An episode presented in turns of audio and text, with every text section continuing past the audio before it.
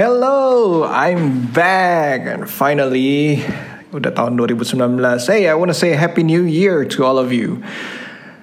Upload episode terakhir itu gue di Oktober 2018, so I had a nice break, walaupun gak break juga sih. Uh, tujuannya untuk break ini ya to come up with new fresh topics yang sekarang gue udah ketemu niche gue sih. Jadi gue mau fokus di productivity, and self awareness. If you are into that kind of topics, stay tuned. You're going to love this podcast di season kedua ini. Buat yang nggak suka, well, um, sorry man, I cannot make everyone happy. So ya, mau gimana ya? Tapi gila gaya gue udah kayak pendengar gue banyak aja. Ya, banyak yang minta sih kemarin itu balik eh kapan lagi ada konten baru? Uh, kok podcastnya nggak dilanjutin lagi? Bukan nggak dilanjutin emang gue lagi lagi break. Gue juga bilang gue lagi break um, buat ya kayak apa ya mendekap men, mendekam mendekam? Apa ya? Pokoknya kayak uh, bertapa dulu deh ya. Buat mikirin topik apa yang pengen diomongin. Anyway Langsung ke opening aja yuk.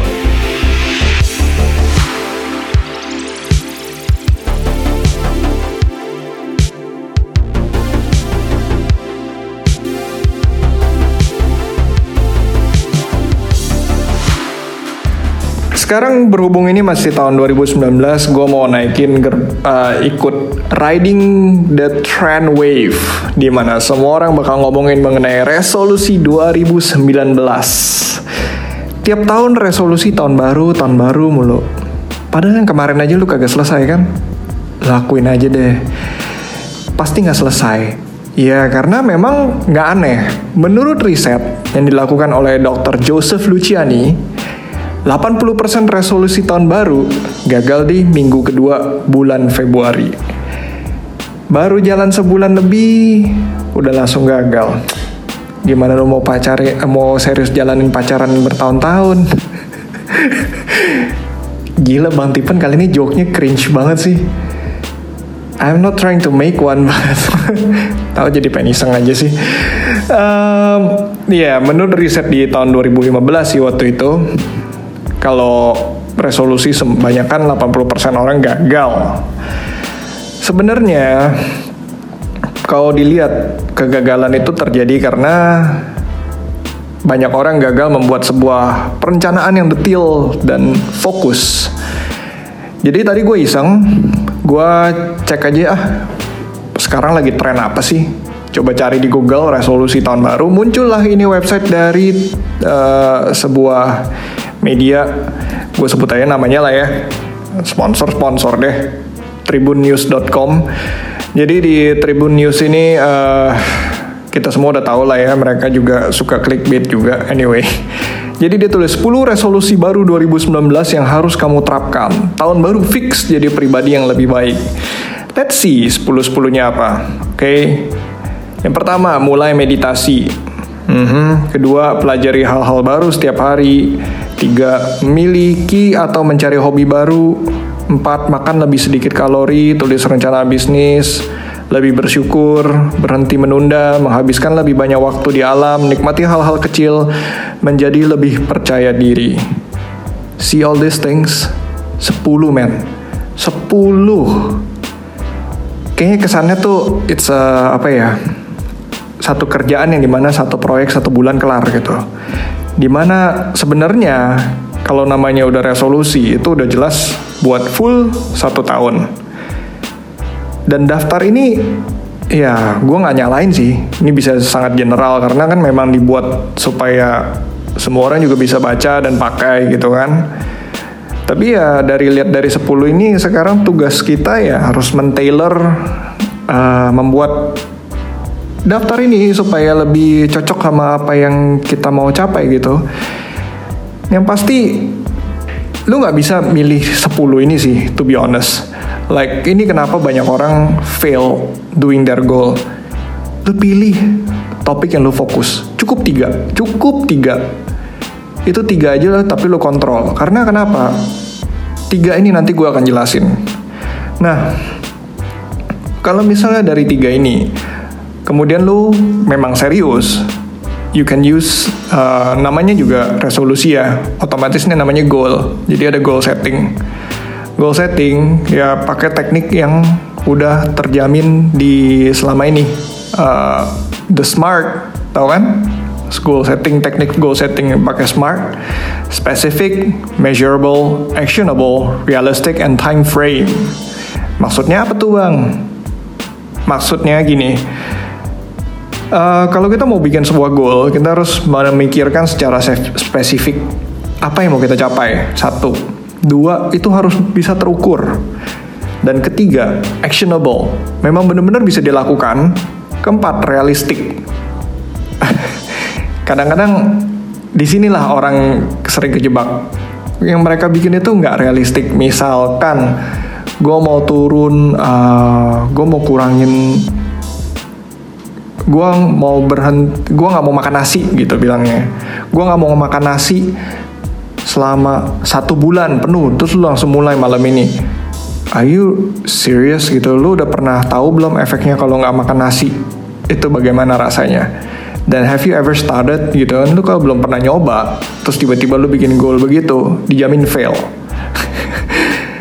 Ya bukannya pesimis sih. Kalau lu emang bener-bener bisa berhasil nggak makan nasi langsung gitu ya gue salut sama lo gue tepok tangan sama lo cuman kebanyakan yang enggak lah itu nggak nggak realistik karena tiba-tiba lu harus stop sebuah makanan yang biasa kita makan tiap hari dan ya tiba-tiba hilang eh, gue tapi gue nggak mau ngomong lebih detail mengenai itu, oke? Okay?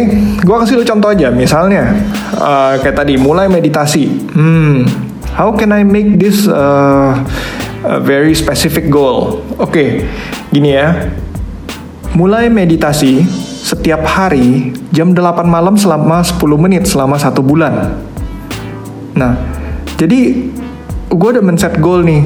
Oke, okay, selama satu bulan gue mau meditasi setiap jam 8 malam selama 8, selama 10 menit udah ngerti kan kurang lebih maksudnya harus spesifik, measurable itu gimana? Spesifik gue detail kan itu. Jadi pokoknya setiap hari jam 8 gue meditasi 10 menit. Measurable karena apa? Jam 8 malam 10 menit gue set timer 10 menit oke okay, bisa terus selama satu bulan. Jadi satu bulan itu gue akan uh, ya diukur melalui setelah satu bulan gimana gitu kan actionable nggak? Ya jelas cuma 10 menit. 10 menit nggak berasa kan? Bisa bisa dilakukan. Realistik sangat. Jam 8 malam kan soalnya udah nggak kerja nggak apa kan lu kalau misalnya bilang jam 9 pagi gitu dan lu tipe yang kantoran meditasi mau digeplak sama bos lu katanya. Nah, time frame ini maksudnya apa? Ya itu time frame maksudnya satu ada ada jangka waktunya selama berapa lama gitu. Mau satu bulan, mau tiga bulan, atau mau berapa tahun. atau kayak gini ya hmm, mencatat lima hal yang saya syukuri setiap hari minggu selama tiga bulan. Mencatat lima hal yang untuk bersyukur setiap hari minggu selama tiga bulan. Itu juga sama. Spesifik uh, terukur karena kan lima hal. Gue hanya mencatat lima hal actionable nggak? Actionable karena cuma setiap hari Minggu. Berarti kan cuma setiap hari Minggu jamnya juga terserah mau jam berapa.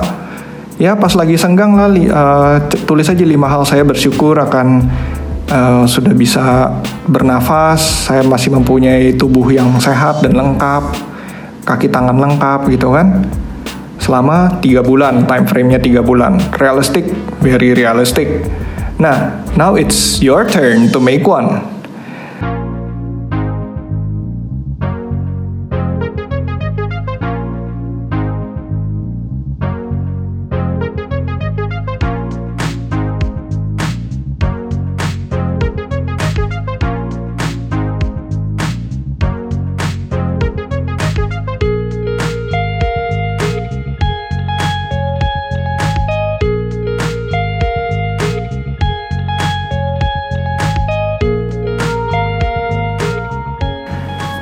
Oke, balik lagi.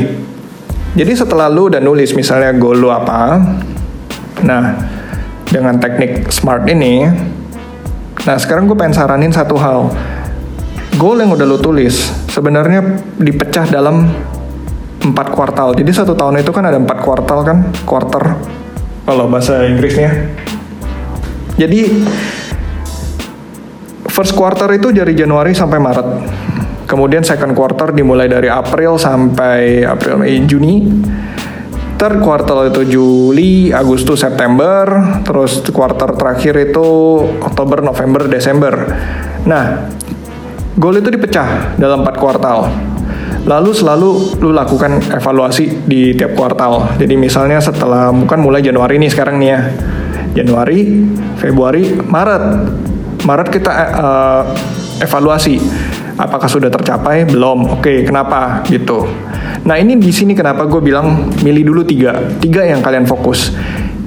Dari karena dari tiga itu belum tentu setelah kalian jalanin kalian cocok. Ya bukannya gue bilang ya itu sama aja dong bang gagal. Jangan salah. Ini kadang-kadang tiga yang kalian pilih ini itu memang kadang-kadang memang ya nggak sesuai sama keadaan satu. Kita kan nggak pernah tahu ya nggak sesuai sama keadaan. Misalnya uh, lu memilih goal untuk nggak mau makan nasi tapi um, tapi misalnya lu harus kerja lebih keras karena uh, mungkin jarak sekarang jarak rumah sama kantor makin jauh dan lu harus jalan kaki dan tiba-tiba you know banyak alasan dan segala macam atau tiba-tiba performa kerja lu menurun menurun drastis lu diomelin sama bos lu ya otomatis kan nggak cocok kan. Lu mau memaksakan lu mau memaksakan goal lu tapi lu akan kehilangan pekerjaan lu. Uh, gua rasa itu agak konyol kalau misalnya di bule kan ada kayak kejar passion lu gitu kan. Lu harus kejar passion lu. Jangan biarkan uh, apa don't let anybody stop your goal. You achieve don't let anybody stop you from achieving your goal gitu. Cuman come on look at your goal. Goal lu apa gitu? Kalau goal lu kayak membangun sebuah Facebook yang baru dan lu kelihatan ada step-stepnya udah jelas gitu kan someone is trying to stop you then you can just fuck it man. Hajar gitu kan. Cuman kalau misalnya gue lu cuman kayak I'm diet gitu nggak mau makan nasi. You can change it gitu kan. Oke okay, uh, mungkin nasi diganti pakai kentang. Nah itu maksud gue dari evaluasi itu kita jangan terlalu kaku juga karena kalau kita kaku gitu ya kita nggak nggak fleksibel kan. Sedangkan tujuan dari bikin resolusi ini kan kita punya the higher um, apa ya goal yang lebih besar. Kayak misalnya kenapa kalian stop makan nasi? Tentu buat turunin berat badan atau kontrol gula, kadar gula dalam darah. Nah, kontrol gula dalam darah kan bisa mungkin diganti dengan hal yang lain. Misalnya yaitu tadi gue bilang salah satunya kentang atau mungkin ganti dengan oatmeal yang sama-sama karbo tapi nggak nggak segampang itu dicerna. Sehingga tubuh juga butuh energi waktu buat cerna. Jadi karbonya juga kepake. So it's a, apa ya? Ya it's a good solution gitu kan. Nah dari situ kita ya, evaluasi tuh tiap kuartal. Uh, mencari cari cari jalan yang misalnya kayak oh gue mau titik akhir goal gue ini gitu. Dan step-stepnya bagaimana? Apakah masih masih realistik atau enggak? Evaluasi. Semua itu kalau bisa dicatat dalam sebuah dokumentasi ya. Gue sih saranin banget kalian dokumentasi perjalanan kalian dalam mencapai goal itu karena buat kalian ngeliat ke belakang buat waktu lu ngeliat ke belakang itu misalnya lu setelah udah sampai di um, bulan Mei and suddenly you decided to uh, kayaknya aduh berat banget sih tantangan hidup ya. Kita nggak pernah tahu ya uh, perjalanan hidup itu kayak gimana cuman kok kayaknya berat banget nih. Aduh kayak udah deh stop dulu goal gue deh. Coba lihat deh ke... tapi coba kalian lihat belakang baca jurnal sebelumnya. Lihat bagaimana tujuan awal itu kalian mulai goal itu kenapa? Biasa di awal tuh sangat semangat ditulisnya dan kalau ditulis biasanya akan berasa uh, the apa ya the emotion gitu. Itu semua tertuang dalam tulisan. Jadi emosinya itu berasa gimana waktu mulai semang betapa semangatnya waktu itu dan itu bisa membangkitkan gairah lu lagi gitu untuk untuk tetap keep on going. Karena sometimes people tuh begitu. Kita selalu terpaku sama oh my god gue nggak achieve gue nggak achieve gitu. Padahal kalau misalnya lu ngeliat ke belakang lu tarik ke belakang coba lihat masa yang kemarin itu bagaimana proses perjalanan. Dan ini gue nggak pernah bosan untuk menekankan orang ini dan ini salah satu hal yang gue pelajarin dan sangat valuable waktu gue belajar di desain graphic design DKV adalah untuk to trust the process gitu. Kita lebih menghargai proses sebuah karya untuk menjadi sebuah karya dibandingkan hasil akhirnya. Kayak misalnya lu lihat logo Pertamina atau mungkin logo Garuda. It's simple gitu kan, cuman apa sih cuman kayak gitu doang gitu. Ponakan gue juga bisa bikin sih, gampang kan.